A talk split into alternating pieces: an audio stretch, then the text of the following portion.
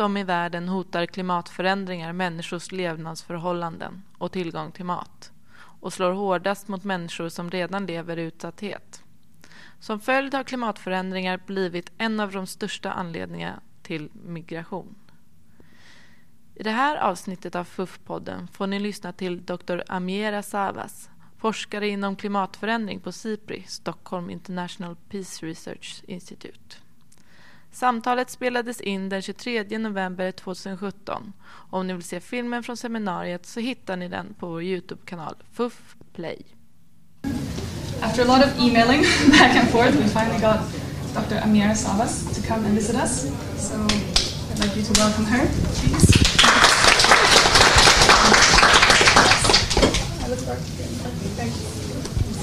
Excellent. Um, my name's Amira, and my background is I've been working in development and security research predominantly, but also a little bit in policy um, for the last, gosh, if I say how many years, I'll give away my age, but long enough. um, so, what I will do today is talk a little bit about our perspective of thinking about the linkages between climate change, migration, and security at SIPRI, but then I will try also to reflect a little bit on the projects that I've done. So, I've spent um, about seven years living and working in Pakistan, um, doing a lot of stuff research, participatory research, very grounded um, on the intersections between security, environment, gender, these sorts of issues, which it seems to be quite complex in terms of developing and formulating policy responses. And so I really feel like we need more grounded data to kind of understand context. But also, talking about migration, I am the child of migrants. My father is from Syria. My mother was an Irish immigrant um, to the UK. So migration has been a constant theme in my life, and so has security, as you can imagine. And currently, um, quite a lot of my family are living as refugees in Germany, um, Morocco, Lebanon, Jordan, and Egypt. So it's something which is very close to my heart, and I feel that the way in which the whole debate in Europe around migration, particularly related to climate change or related to security issues, has kind of really missed um, the, human, the humanity around it, which is very, very important for thinking about why people move and why people might move back. So the, I kind of wanted to start by really problematizing this idea that you can have a climate migrant or a climate refugee or an e- even an economic migrant, um, at least in the context of the conversations which are happening in Europe at the moment. We, we don't know, there's never one single reason why people migrate because there are many countries all over the world where people are experiencing the extremes of climate change constantly. For example, working in Pakistan, I first went there around the time of the mega floods, which started in 2010 and continued on into 2011. And during that time, 20 million people were displaced and affected. But 20 million people haven't decided that they've had enough of the country, or that they've had enough of the city that they were living in, or that they've had enough of the rural area that they were living in. So, why do some people move and why do others not move? And fundamentally it's, it's a mixture of factors. What we, I thought what I would do is look at the Swedish context a little bit, particularly Sida, to see if Sida has a definition, if, if they use the term climate refugees or climate migrant, because I know that it's, there's a lot of hesitation around using that terminology. And I couldn't find anything. Um, what they do say, at least on Sida's website, is the dependency on ecosystems, that everybody is dependent on ecosystems and livelihoods, and that climate change will obviously exacerbate certain risks or vulnerabilities around ecosystems. But ultimately, the terminology of a climate migrant or a climate refugee has become a kind of shortcut for the entire issue of climate linked migration. So, firstly, how do you decide who counts as a climate refugee or a climate migrant? How do you divorce the kind of climate change aspect from all of the other factors which may have come into their decision or kind of being forced to move. And there's a lot of concern about, you know, how many climate refugees are there going to be in future. And it's at the moment there's so much speculation. But what I'm quite interested in doing is, okay, let's have a look at what evidence do we have and what would be useful policy responses in a situation where we may not have the fullest amount of evidence that we need. So I just, I just wanted to show a diagram, the only really useful diagram that I've come across so far, this is from 2011, although it may say 29, 2911, which is obviously a long time away from now. So this is by um, some geography professors, I believe. Um, some of them are from the UK, which is why I've become familiar with it, but I know that it's been picked up by our Department for International Development and others. And so, what they're trying to do here is really show the complexity of why people move. And you can see, obviously, environmental change has a big influence on different drivers, but there are so many other drivers which get involved. So, how do you really measure and understand this? That's another question. If I say anything that you find particularly controversial, feel free to put your hand up and ask me a question because sometimes when I say things like, do we really have climate refugees, some people get frustrated. But I've been looking at the, the latest research as well as doing my own, and there has been a few kind of pivotal, you can say, policy papers and research papers which have come out this year. So, one of them from the World Food Programme did research with migrants from 10 countries across Africa, Asia, and the Middle East. And what they found was that ultimately all of the migrants they spoke to had the same fundamental objective, which is to find security and livelihoods and adequate li- living conditions for themselves and their family. And they spoke to quite a few Syrian participants in the study, and they found almost unanimously that the Syrians want to go home. They didn't. They haven't been like, yes, I'm so great. I can't wait to get to Europe. That's not. I mean, my family never had any aspirations to go to Europe, other than obviously my father, who ended up there.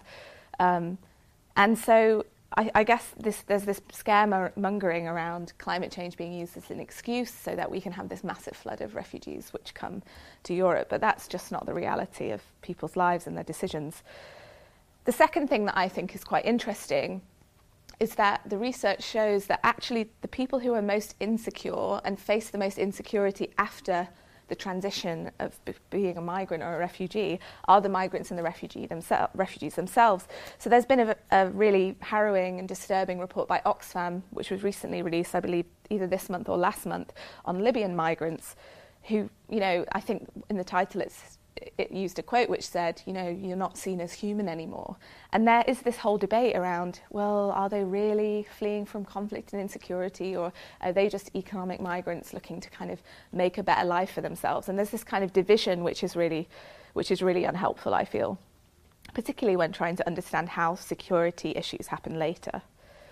But what we do know from the evidence, from these multiple reports which have been done, as well as other research reports, is that where you have a lot of food insecurity and you have a lack of other options and you have the risk of or an ongoing conflict, that's where you tend to see these kind of migration corridors happening, which, you know, climate change can obviously be a cause of livelihood insecurity as it's going on, and then you can have sudden onset, what we call disasters, which may kind of get a flux of people moving. But ultimately, this is part of a more long term ongoing cycle in which climate change is feeding into in different ways.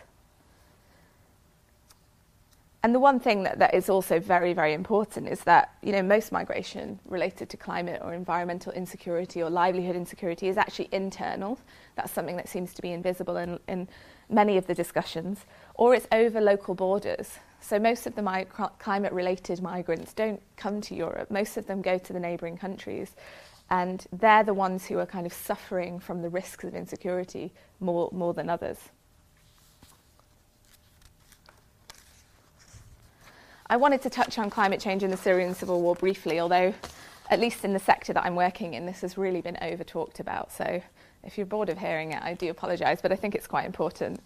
So, there has been this kind of narrative, which I find to be very unhelpful about the Syrian civil war, that it was caused by a drought. And there's no doubt that there was a drought that happened, but the timeline in which the drought happened does not resonate with the kind of discussions which have been, been going on. So the theory is that in the late, nine, uh, in the late 2000, to, around 2007 to 2009, there was a very, very severe drought in what is called the Fertile Crescent of Syria. This destroyed livelihoods. Everybody migrated. 800,000 people allegedly migrated from the rural areas into the cities. This caused fights over resources, which triggered the Syrian civil war. But if you actually look at the evidence and you look at the evidence that's available and you speak to Syrians, obviously, you know, it's very anecdotal that I have a lot of family living in Aleppo, but they were telling me very different things to what we were seeing in the media. And I was kind of questioning myself like, these trusted sources, these experts that I've been relying on for so long, are they really, do they really have the data? And so I started to look into it. And the theory really is that the drought drove ultimately triggered, or you can say um, was became a threat multiplier. That's the most common terminology which is used for the war.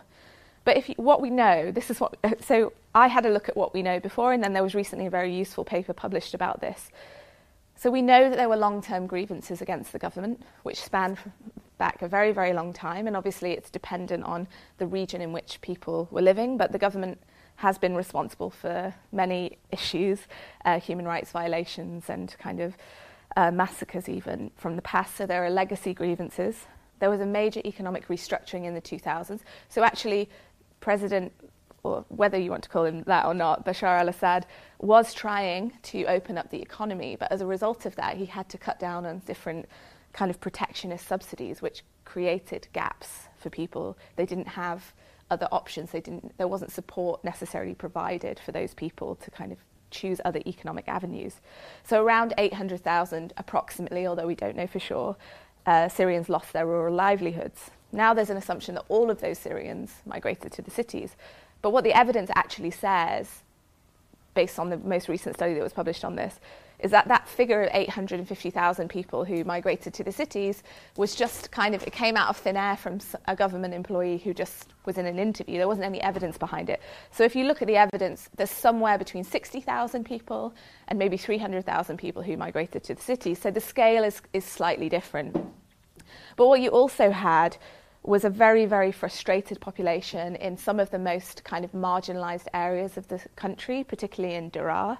And there was an arrest of a range of 13 year old boys who were kind of abducted by the police or the security services for spraying anti government graffiti. Um, this really was quite difficult, obviously, for the local population, and it kind of, for many people there, it just felt like it was too much. This is the story which I'm aware of, but there are many there are many different narratives about this. So that was one of the issues which triggered the protests, which then led into the insecurity.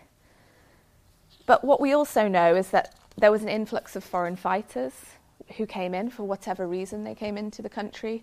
They were being incentivized by certain actors that we're unaware of, or they were becoming interested and they wanted to go and fight the cause of democracy in a neighbouring country. And from my personal experience, I remember being in rural Pakistan in 2011, 2012, and 15 year old boys were telling me, I can't wait to do my jihad in Syria. And I thought, wow, when I was here a year ago, you had no idea where Syria was. So, what is going on here? There are obviously complex, multiple geopolitical drivers play, uh, at play here, and we can't ignore them just to talk about climate change, because if we only focus on climate change, what can we who, who is accountable and responsible and how can we move forward from that. So that's something that's very important, I, I think, to kind of talk about in terms of this moving this debate from speculation and assumption into something which can have policy relevance. We know that it was, you know, there was a development issue at play there, there was a human rights issue at play, there was a political issue. So, how do you deal with these things?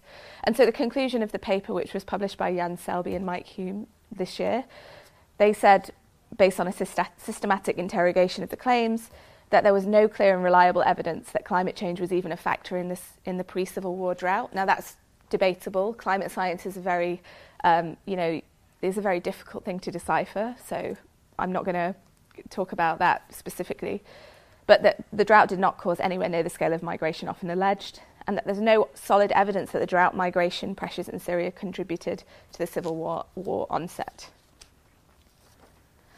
But yeah, I was just thinking about, um, obviously, because I've worked in Pakistan so much, but there are other countries in which I'm working and have worked where, you know, there are climate change impacts that have been going on for a long time. In Pakistan, Pakistan's on track for between four to six degrees of warming. You know, the impacts of climate change, you feel it and you see it, and people are starting to become sensitized to that.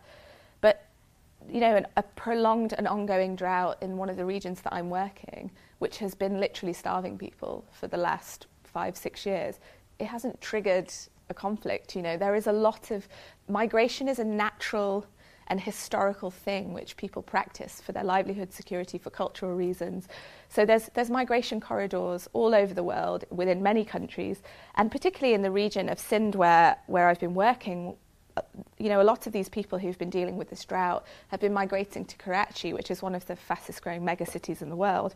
And Karachi has its own conflict dynamics, but I am unaware of any kind of major war being sparked. Um, which is related to livelihood resources triggered by people moving from the rural areas. So it's just something that I think we need to problematize, and I think we need to take the conversation away from this kind of security arena in which it's based on assumption and not necessarily based on thinking, you know, development thinking, which I think development thinking, if the development people and the security people can talk together a little bit more, then we're going to have much better kind of discussions. And I think there is a move to, to do that. There are forums in which the development and the security stakeholders are definitely trying to talk more, but they are coming from very different perspectives and very different assumptions.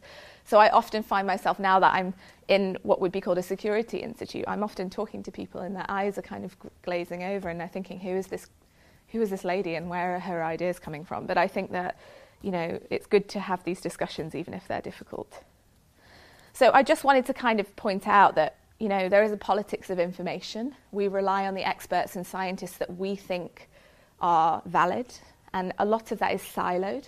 So, if you're in the development sector, you're going to rely on experts from the development sector. The security sector are going to often rely on experts from the security sector. And so, the evidence is ultimately as good as the data in which it's based upon and the assumptions which are drawn. And one other thing just to note, which is also quite controversial when I say it in Sweden, but in the UK, people kind of, yeah, okay, yeah, I get that. That the Syria theory is notably driven by white middle class men sitting in northern institutions. Um, and until recently, nobody really asked Syrians. Nobody went to the Syrian researchers and said, okay, what's your perspective? What have you seen? What do your networks say? And that was something that was incredibly frustrating. And it's a big problem in development more broadly and in security studies and security practice more broadly that we talk about populations and we make assumptions about them without really talking to them and really understanding how they see the world. And living in Pakistan has really kind of changed my perspective a lot because it's a completely different way of looking at things. They're coming from a completely different background. So, coming back to what we know um, in terms of the evidence. So, we have the Intergovernmental Panel on Climate Change, and in their most recent review on human security impacts of climate change, so they looked, they had 830 scientists in the last one, I believe, who looked at all of the evidence. Okay, what can we safely conclude about climate change and security? And so they concluded that climate change will progressively threaten human security, that it will lead to forms of migration that compromise human security, although it's not that clear about the assumptions underneath that one. That it will contribute to factors that increase the risk of violent conflict. Okay, that's also sometimes based on assumption. It's going to affect vital transport, water, and energy infrastructure, and it's going to increasingly shape the conditions of security and national security policy, which we're definitely seeing and observing now. But what is quite useful about the IPCC's approach is that they've said we need to focus on a risk based approach. So instead of focusing on the security threat, which is often based on assumption because we don't know, there's no model that can tell us why one society will break out into conflict over another, although it would be wonderful if we did have a model. Humans are humans and they behave in different ways. So I think for us at SIPRI, what's very important is thinking about this risk based approach. So, how do you effectively understand and measure those risks? There are obviously, you know, just like with the diagram there, which is talking about the multiple factors why people move. Again, there are multiple factors why people who've moved end up in, in situations of insecurity, or why you have urban conflict, or, and so on and so forth.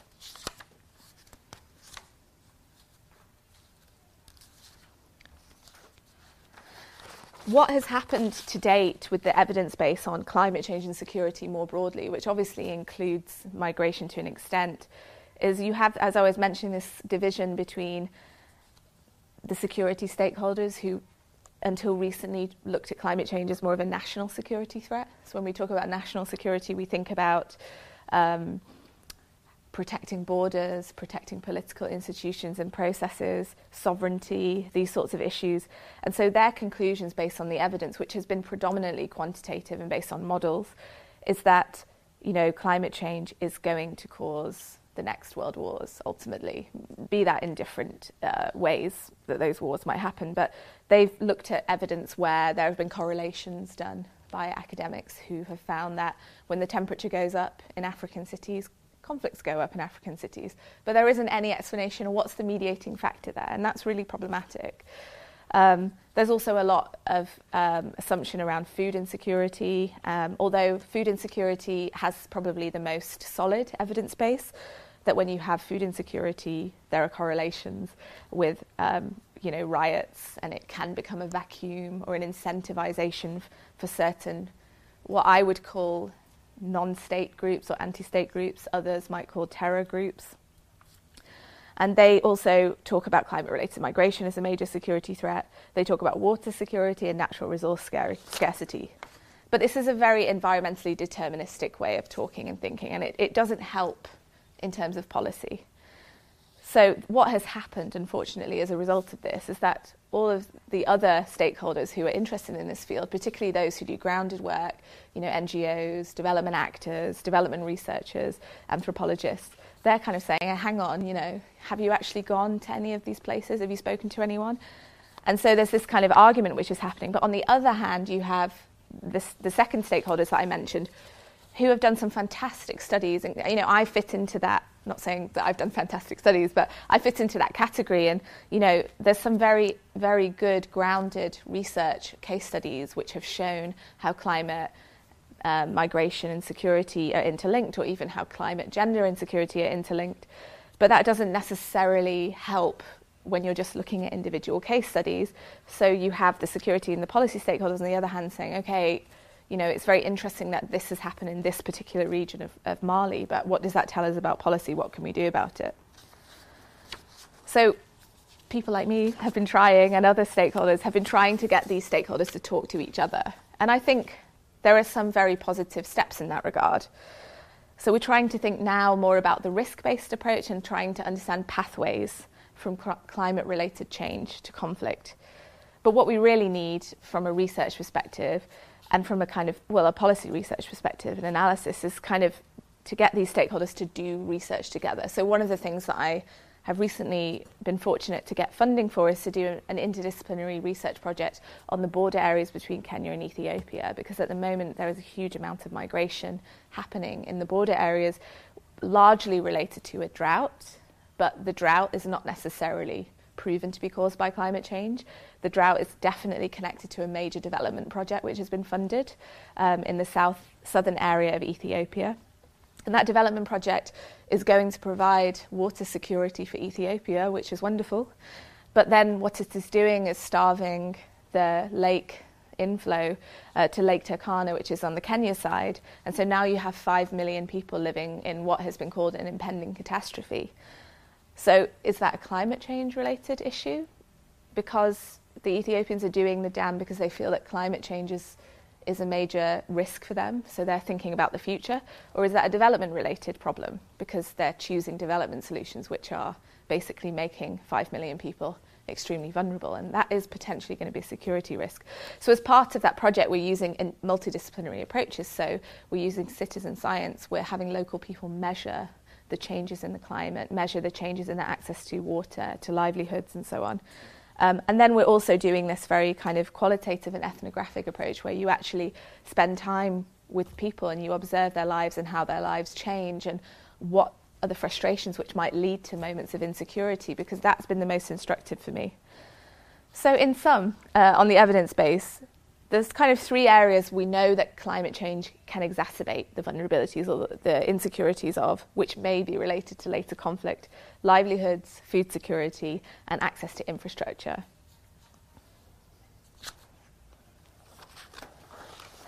But thinking about it from a development actor's perspective, which I'm sure you're all interested in, instead of me harping on about research for too long, um, it's the governance and adaptive capacity which are important for understanding the transition from a vulnerability around climate change and migration to a security issue. So, one of the things we're trying to do at SIPRI is look at the different institutions. We're looking at regional institutions in Africa, we're looking at regional institutions in Southeast Asia and the Middle East, and, and mapping okay, how do they understand climate related security risks and what are their institutional capacities to do anything about them? You have certain regions, for example, um, I believe, the Lake Chad Basin, where there are different regional institutions which are kind of overlapping. So they don't know whose responsibility it is to do what. Then, if you look at other regional uh, areas where there are climate risks, the Mekong Basin, for example, you do have the Mekong Basin Commission, but they don't have any legal ability. They'd have no legal control over the different states because it borders several states. So while they can raise issues and they can, you know, talk about the changing scenario and the security issues and they can raise alarm, that's not going to necessarily stop one of the countries from doing what they want. And this is exactly what happened with the Ethiopia and Kenya case. There were huge reservations and frustrations about this dam being built, but it still got built in the end. So that's something that is very, very important. How do we hold different states accountable and different organizations, even private sector organizations, how do you hold private sector organizations accountable when they're, they may be exacerbating um, the security risks, which are also being exacerbated by climate change? And of course, the interplay between different risks is very important to consider. The issue is that many organizations, especially development organizations, work in silos and they don't, as I was talking before, they don't necessarily interact as much with the security organizations. So there needs to be some kind of really quick change around that, but it's very difficult, and it ha- it's happening in every sector. Every, every, you know, before my expertise, you can say, was in water and sanitation, and ten years ago we were talking about everybody's working in silos. How are we going to bring people to work together? What's really interesting about working in Sweden, and we are working with uh, some of the government ages, agencies, is that there's a v- real willingness and openness to talking about how do you how do you do this. Um, multidisciplinary, multi-sectoral work, but I feel like we need to really just start trying things, piloting things, and trying to make things move forward. So, what I wanted to do, just to take it away a bit from the high level discussion and just give some examples from my work where, you know, climate change, security, and migration have been interlinked. And I mentioned Pakistan before. So, obviously, they've had mega floods, but also really climate change impacts are, are very, really severe, and there's a big there are major risks which are being exacerbated as a fact of that. I've had a couple of projects there. One of my projects was a three year project which looked at urban violence in two cities and 12 neighbourhoods. So that was multidisciplinary. We did vulnerabilities and capacities analysis of 2,500 households.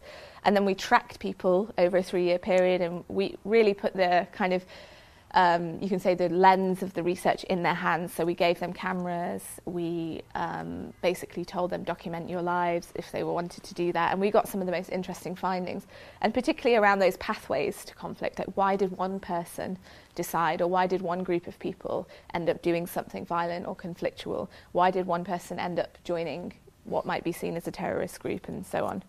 And what's quite interesting, and I don't have too much time to get into today, is that gender is a major lens for why people decide to take steps towards conflict. And that doesn't mean that only men get violent. That's not true whatsoever.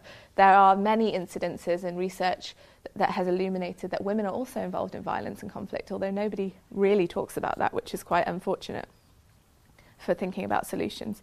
But what's quite interesting about Pakistan is because of its trajectory for climate change, it's been put under a lot of pressure by global institutions that it needs to sign up to the global um, developer non, uh, gosh, what's it called, an INDC, an intended nationally determined contribution. So most countries in the world, now I think every country in the world except for Venezuela, even Syria has signed their uh, NDC. So every year we have the Conference of the Parties, which is where all of the um, governments come together and they debate what, how are they going to cut their emissions and to what level. And so once they've you know, come to an agreement, they have their NDC, the nationally determined contribution, and then they go ahead and their development plans are supposed to be informed by them. So they've taken quite an active step. And there's really this feeling there that, you know, people think we're such a terrible country, people don't understand us, you know, we're always talked about in this really negative way, and, you know, we do want to make a difference, so we have this NDC. What they have done is because they're kind of a bit fed up, this is the government, they're a bit fed up of taking loans from major development actors such as the World Bank um, or the IMF, that they decided actually we're not going to do that anymore. And they developed a relationship with the Chinese government. And now the Chinese government is doing a massive range of, um, it's kind of a regional economic plan called the One Belt, One Road scheme. Um, but they've the first kind of part of that is in Pakistan. It's called the China-Pakistan Economic Corridor, and that involves 33 billion um, dollars over three years for renewable energy projects. So this is something that they're very proud of, although there are critiques about the relationship which is being built. But what is happening as a result of that? So this is in part to do with development issues that they feel that they're not growing, that they have they, there are access to energy issues in the country which have been ongoing for a long time, but also um, that they they want to show their commitment, I suppose. And so there's a range of projects all over the country, and and you know there's a lot of talk about look, we're dealing with our climate change issue, we're responding to it. But unfortunately, the way in which the projects are being implemented in certain areas, because we're tracking four projects actually at the moment, is that there are some security issues which are emerging uh, around those development projects which are being managed to different extents. But I think the point I'm trying to make, and I don't have the time to go into the detail about, about those specific projects, is that you have to turn it on its head a little bit when you think about climate change and security, because yes, climate change is the biggest threat to the world, there's no doubt about that at the moment. But the way that we respond to climate change is going to determine our trajectory in the future. And if we have these mega projects which are displacing thousands or hundreds of thousands of people, and creating generations that are frustrated, what does that mean for future security? Because we're seeing issues emerging already. And I thought actually I would just show a few pictures. We're doing the participatory photography with, with this project again. Um, and so, with participatory photography, we ask people we just give them the camera for a few weeks or a month or two months and we just tell them document the most important things in your lives. And the region that i'm about to show you the pictures of is where there is a mega mega project going on. In fact there's a range of projects and 13 blocks for development projects have been set out in this region and only two are, actually being practiced at the moment and there's massive discontent around it but this is the area that I also mentioned is suffering from a very, very protracted and severe drought. It's also on the border of India, so there are many security issues around that. There is, it's actually heavily securitized at the moment because the diplomatic relationship between the two countries is quite bad. Um, so let me just see. If, yeah. So when we asked one of our participants to take a picture of the most important thing in his life, this is the picture that he took.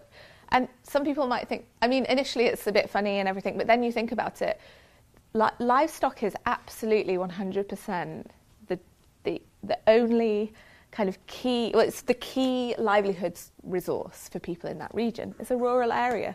There's a lot of kind of, I, I feel that in the, the, the area that we're in at the moment in policy, there's a lot of kind of ignoring the needs of rural. There's a lot of emphasis on the urban. There's a kind of assumption that everybody's migrating to the cities and that we need to, you know, yes, the cities are major areas of concern, but there are also still, you know, possibly, I think, around probably 100 million rural residents in that country. So those 100 million people that we really need to be mindful of. So this is another participant. So this is a picture. What is actually happening as a result of the development is the development, even though it's kind of green, it's using water, which is extracting water from the ground, which is drying up the livelihood resource that they have for their for their livestock. So the livestock are starving. So what they're doing now, this picture is they've had to go on a very long journey to try and just basically feed the livestock. So this is like people, literally grown men, are crying and stressed and don't know what they're going to do. And one of our participants, I thought it was very, very interesting and powerful when he said this. He was like, "This." We were talking at that point because there's a lot of displacement happening as a result of this big project, and he said, "Look at this tree."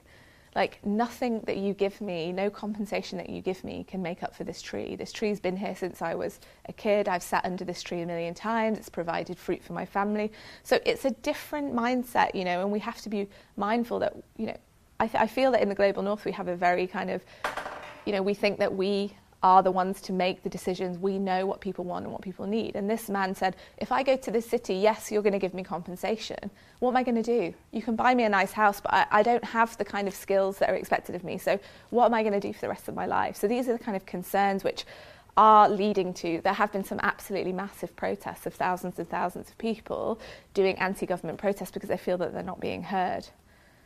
And so this is just another example of where basically pollution is happening as a result of a local geothermal project. So geothermal, again, it's been used quite a lot. It's seen as a kind of low emissions technology which is really useful for um, you know responding to climate change.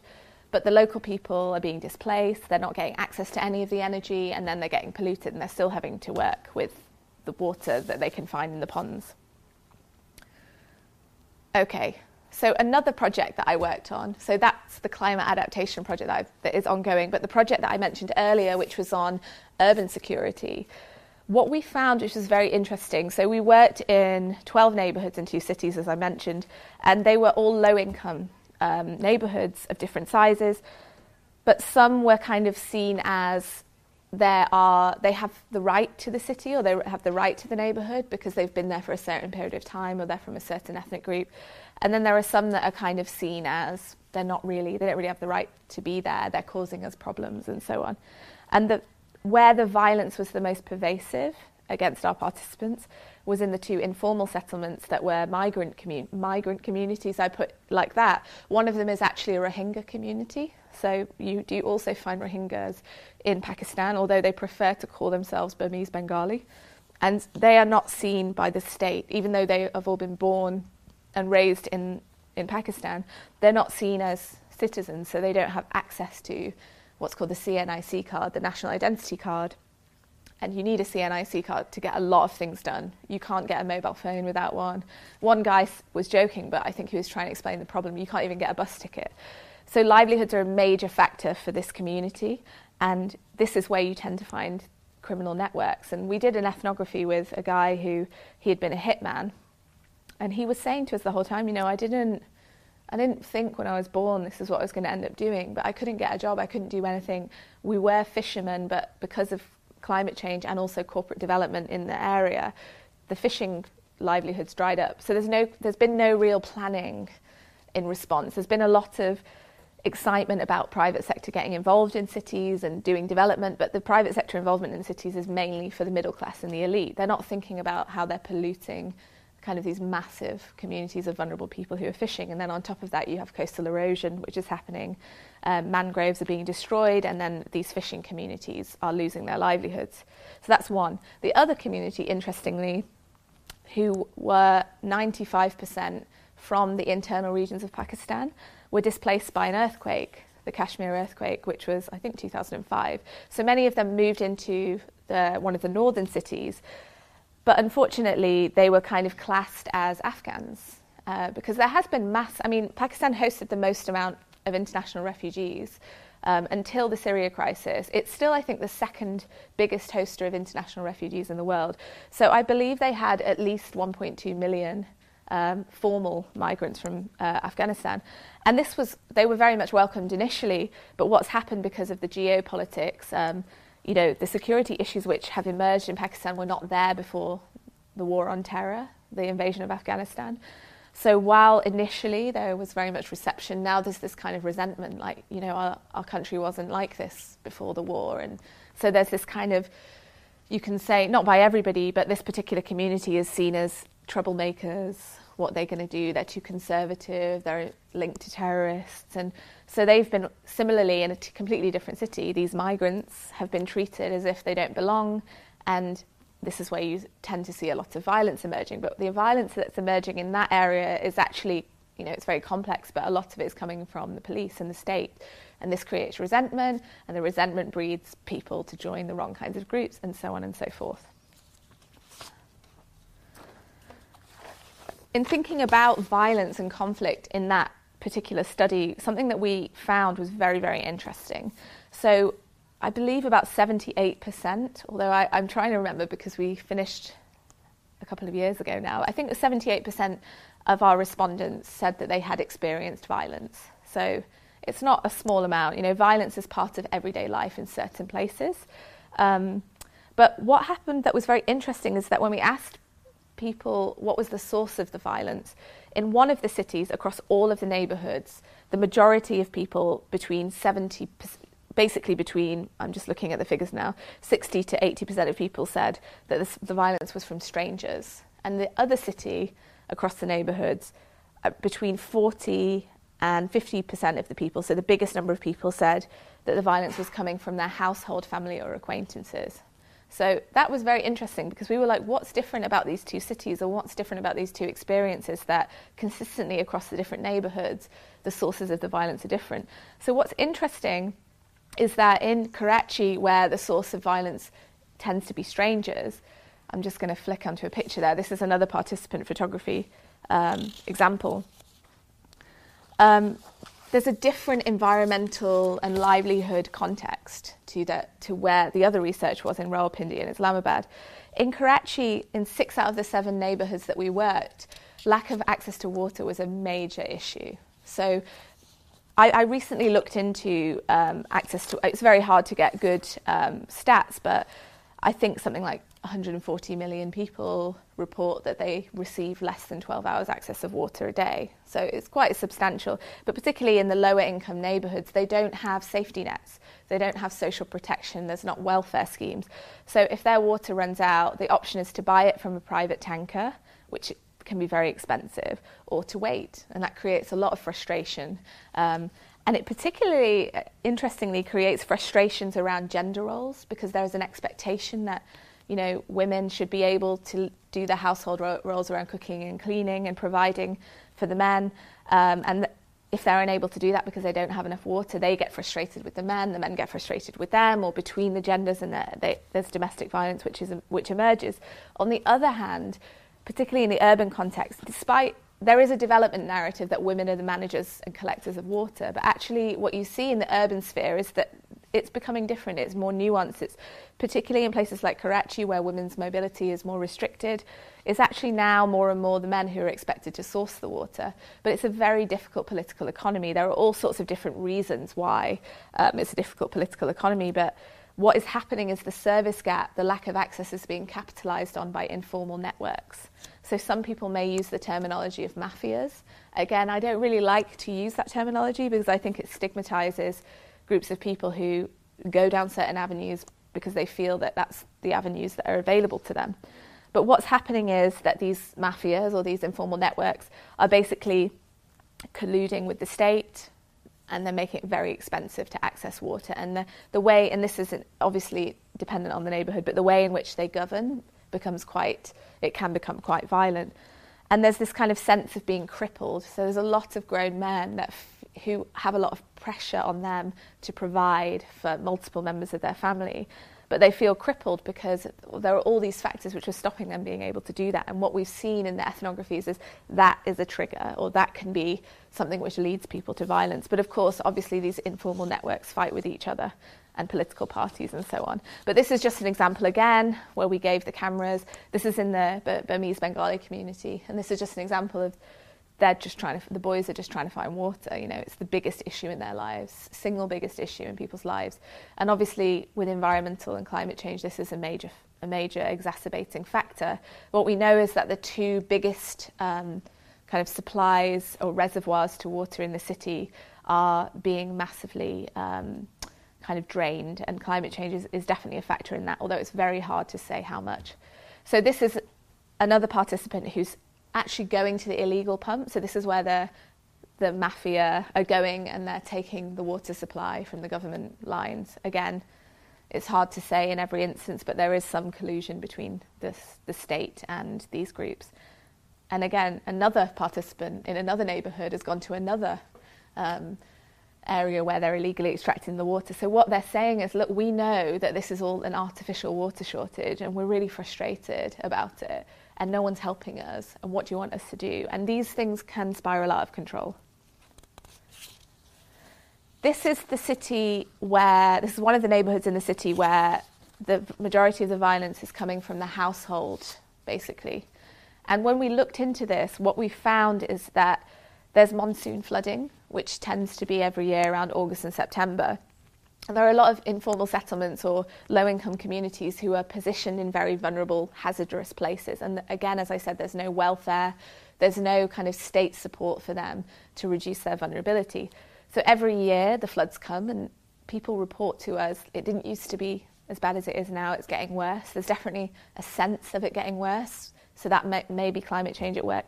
And this is just a typical flood in this neighbourhood that comes every single year, and people lose their houses, they lose their things. What happens is basically, again, livelihoods are very gendered, so the expectation is generally upon men to provide, and there's no secure livelihood option. So a lot of men do what is called daily wage labour, and effectively, this is like you show up for work. If there's work, they give it to you. You have to show up or you don't get it. You've not got like you don't go into work, you still get your salary. That is not happening. So what they, happens in these moments of flood is they think we need to save our stuff, we need to save our house, we need to protect our children. So they stay home to try. And I don't have the picture here, I don't think. No, I don't have it, but somebody also took a picture inside their house and the water was up to here and everything was floating. And in that time, the frustrations kind of bubble up and overflow, and that's when you see um, violence happening between family members. And obvi- it's not just men being violent to women, and that's a very big misconception. There is violence between the genders, against the other genders, and there are hierarchies of power within genders, which I don't have the time to go into now. So there's just two examples. Yeah, so I mean, those were the kind of main aspects that I wanted to talk about. Sort of, I think these examples are important because when you talk to stakeholders who are dealing with the policy and the development in these areas, they really never go and spend any time with these people. They go to where they can access, they go to where they feel is secure. A lot of stakeholders that I've met from major development organisations will say to me, Wow, I've never been to that neighbourhood or that region of Karachi. There was a period of time where the UK government were on, they were embargoed, they were not allowed to even go to the city because of the security thing. So they would say, you know, you really know, like you, you met people you know, and it's really shocking for me because I just don't understand how you can make development policies which are appropriate and context context appropriate if you don't actually go and spend time and let people explain what the problems are in their lives. But also we've had quite an interesting response, a good response from the government in Pakistan who've said, you know, this is the only data we've really had on violence. We've, you know, it's the only long-term study we've had. So I think we need to encourage more of this kind of research, but we also need to put the kind of decision ideas, how do you develop ideas about policy in the hands of local people, the people who are affected, the people who might end up in violence or conflict. Um, and that's something I would like to encourage more and more, although doing that is messy. Having these kind of very democratic and participatory processes is messy, and that really scares a lot of donors. They just think, what are we going you know, this is, there's so much reputational risk at stake. How do we know if it's going to work? What if the wrong money goes into the hands of the wrong people? But what I would say is that the money is going in the hands of the wrong people anyway, and the development is not being sustainable. If development was working, if it had been working, we wouldn't be in the situation we are now in a lot of the states. So I think that that's something I would really love to encourage people to think about as they go into their careers and or in the work that they do. Like how grounded is this, and who are we talking to, and what are the power dynamics around those people, and how do they think about the work, the place which, and the people in which they're working with. And I think I'll stop there as I've run over by four minutes. So thanks.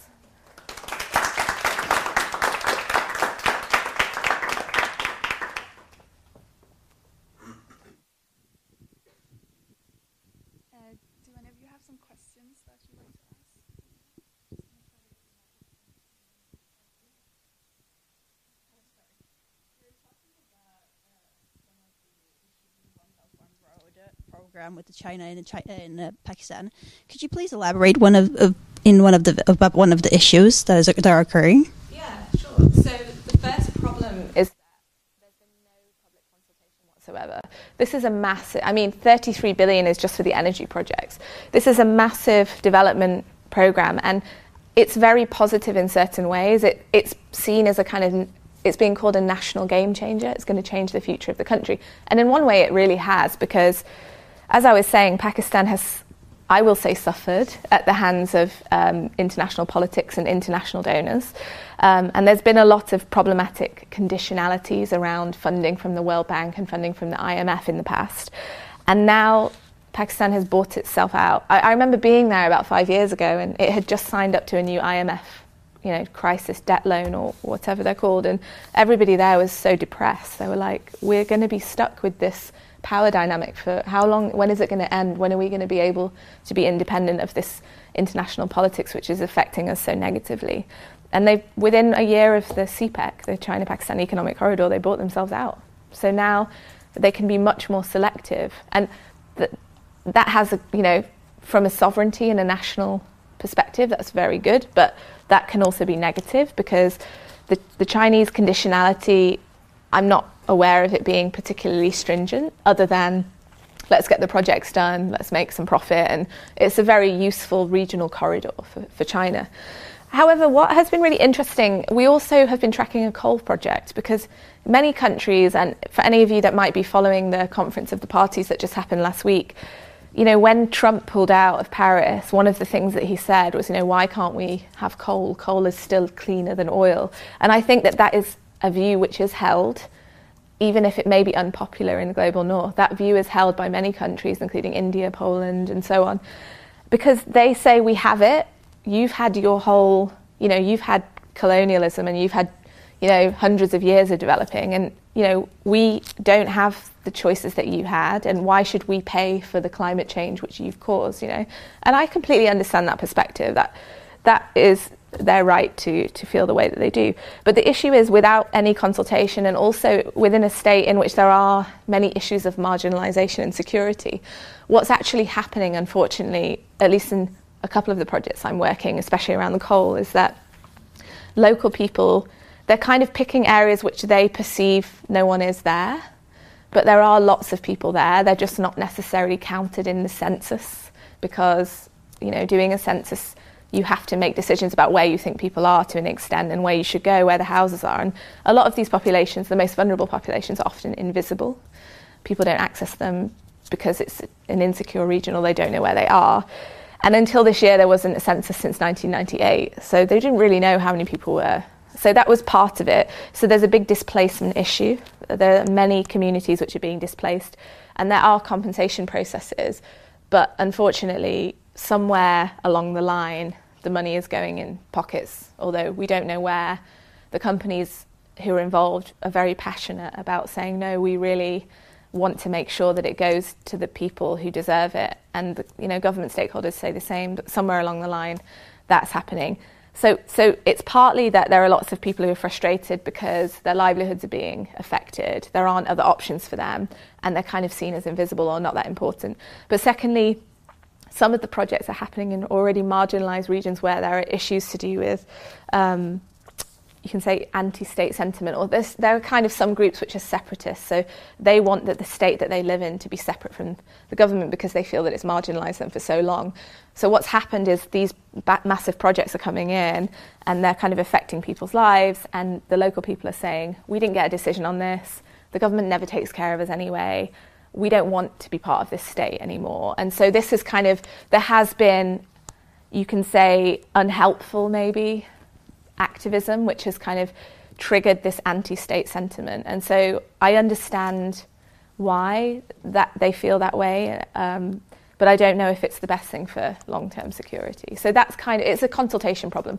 Every, every major development project is supposed to follow what's called the principle of free, prior, and informed consent, which is a UN principle. But again, how much do UN principles filter down to the reality of people's lives? It would be really great. But if in America they can put a pipeline through an indigenous community, despite them protesting for months, when a white community said, we don't want the pipeline, they moved it immediately. But when the indigenous community said, no, we, we don't want the pipeline, they've had to protest for months and it's still going ahead. So in Pakistan, where you have even a bigger population and more issues to do with marginalisation, perhaps, or less interface between the state and citizens, then you're going to have these issues. So I think that's the main problem. But what has been interesting, I have seen really interesting and positive responses from the companies who are involved, trying to be more um, grounded. And so one of the major companies, they actually then, because there were these major protests, I think the Chinese, this is where conditionality came in. I don't know the full story behind the scenes, but I think that maybe the Chinese donors or the company said, look, you need to deal with this. This is a problem. You need to be more inclusive. And, and so they went to the region and they hired a whole team of people, including a head of corporate responsibility, who was an activist from that region. And so his approach, we've been following his work, and his approach is very inclusive and trying to kind of counter out these negative issues. So, yeah. Sorry, that was a very long answer. Hello? Okay. Ah.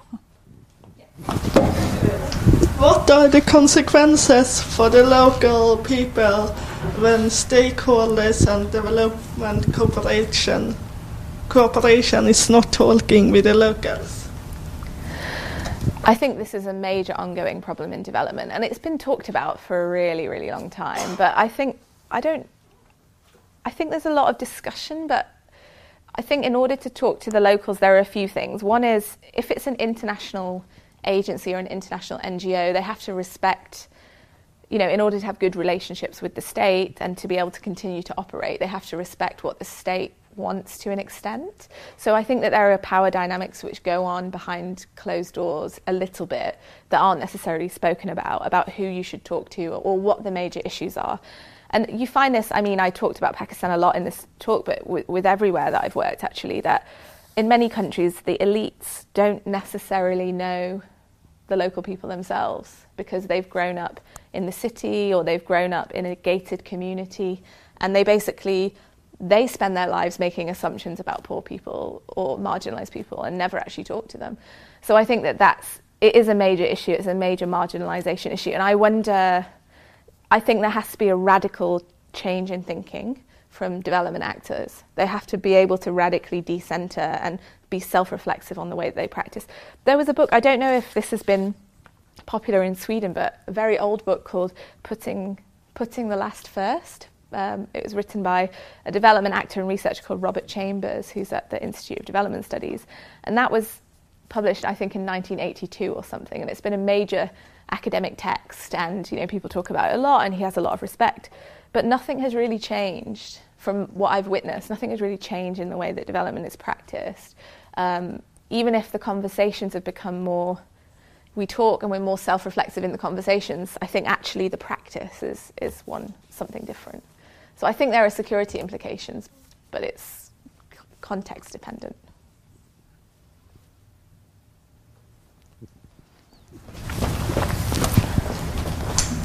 So, what what would you say would be the best examples to uh, tell someone if they like uh, say they don't believe in that there are like people that are fleeing from uh, climate change problems? Sorry. If there are people who are fleeing from oh. occurring from. What would be the best thing to say if they said that there aren't people? That's a very good question. It's it depends on the context, but sometimes it's very hard to have conversations about climate change because the debates around climate change have been I'm just going to, you know, at the global level, they don't relate to people's lives, they're not taught in schools. It's very hard. I, I have had conversations in certain countries where they very senior um, government officials, when I was working for a climate change uh, capacity building institution, would be like, yeah, yeah, yeah, this is really, yeah, I, yeah, completely agree. We need to do this. And then when you meet them in another context and they know that you're an independent researcher, then they say, yeah, we don't believe in climate change. Climate change is created by, you know, it's created by powerful states. And initially I used to find it. I remember when I first went to Pakistan, and there were people who genuinely believed that the floods that happened were caused by clouds which were engineered by NASA. And at first I thought I was really like dismissive of that, and I was like, oh, how can I think that? But actually, apparently, there is technology that NASA can do stuff with clouds, apparently, although I don't know anything about that. But then you have to think about, and this is what a lot of my friends, uh, from different countries and my family in Syria, you know, who, who believe that different have different ideas about why the war is, has happened in the way that it has. You have to try and put yourself in their shoes, and they've had a very different context. They're seeing different media, they're having different conversations. So I think you have to put you, as much as you can, you've got to put yourself in their shoes and be respectful of why they don't believe that, but then try and on their level have a conversation where you bring it back. So that's why I always do, you know, when people say that, you know, climate change isn't real, then I say, well, what do you think about this data, which, or what about the fact that you complained yesterday that it's getting hotter every year, or just putting it into people's own kind of perspective and way of thinking is, is really helpful. But there are always dynamics around me as a foreigner going, to any country and you know being a foreign woman being a foreign muslim woman being a, you know a european. So there are many people as i said in certain contexts they'll nod along and say yeah yeah that's really good. And then probably the minute i walk away they're like oh she's just what is she talking about? It's crap you know? So these are the realities of working in different contexts you know? Thank you. that's right Uh, Thomas Rosswall, more a comment than a question. Uh, I think there are good examples of where you really bring down the climate change issue to the village level. Uh, I chaired a large World Bank program on climate change, agriculture, and food security, where we developed climate smart villages in not in Pakistan but in India and various countries in Africa, where we worked with the farmers to really reach out to them to, to show how they could have a much more flexible attitude. yeah Cli- the weather is variable. Climate is rather unpredictable. We know mm. which way it's going, but they need to have the possibility of doing that and help them with small scale, not only microfinance, but microinsurance, for example, Yeah. so they could become braver in developing new methodologies to deal with the variable climates. I, I think one should not despair. There are also very good examples where you can bring it out to the village level and really talk to the people. Yeah, absolutely. There definitely are good examples, and um, there are, there are for sure. Again, I think it comes down to the people who are doing the work and their attitudes and their ability to self-reflect on the power. Like I, I can give many examples of where I've gone to villages that have had major development projects around being climate smart or being, you know, more water secure, or you know, um, disaster resilient housing, for example. And you go after six months or a year, and nobody's living in the houses that were built for them, and nobody's using the latrines that were built for them. Like one community that I worked with, they were storing the mangoes in the latrine. And they were storing their things in the house, but they weren't. And I was asking them why, and they're like, "Who's going to live in a brick house in the middle of 50 degrees Celsius heat. You know, this is an example, and I, th- I think unfortunately there are more examples like that than there are like the ones that you're mentioning. But it doesn't mean that that's not possible. I just think we have to be very self-reflexive, you know, about our role as well and the conversations that we have, and be willing to have those difficult conversations where people say climate change doesn't exist. You know.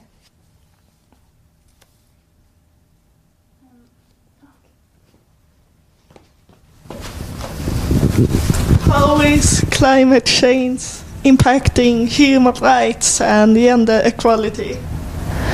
That's an interesting question, and I was supposed to be working on a project about that actually, um, although I think that will happen next year. Uh, I th- it's very hard to say at the moment. It's very hard to say.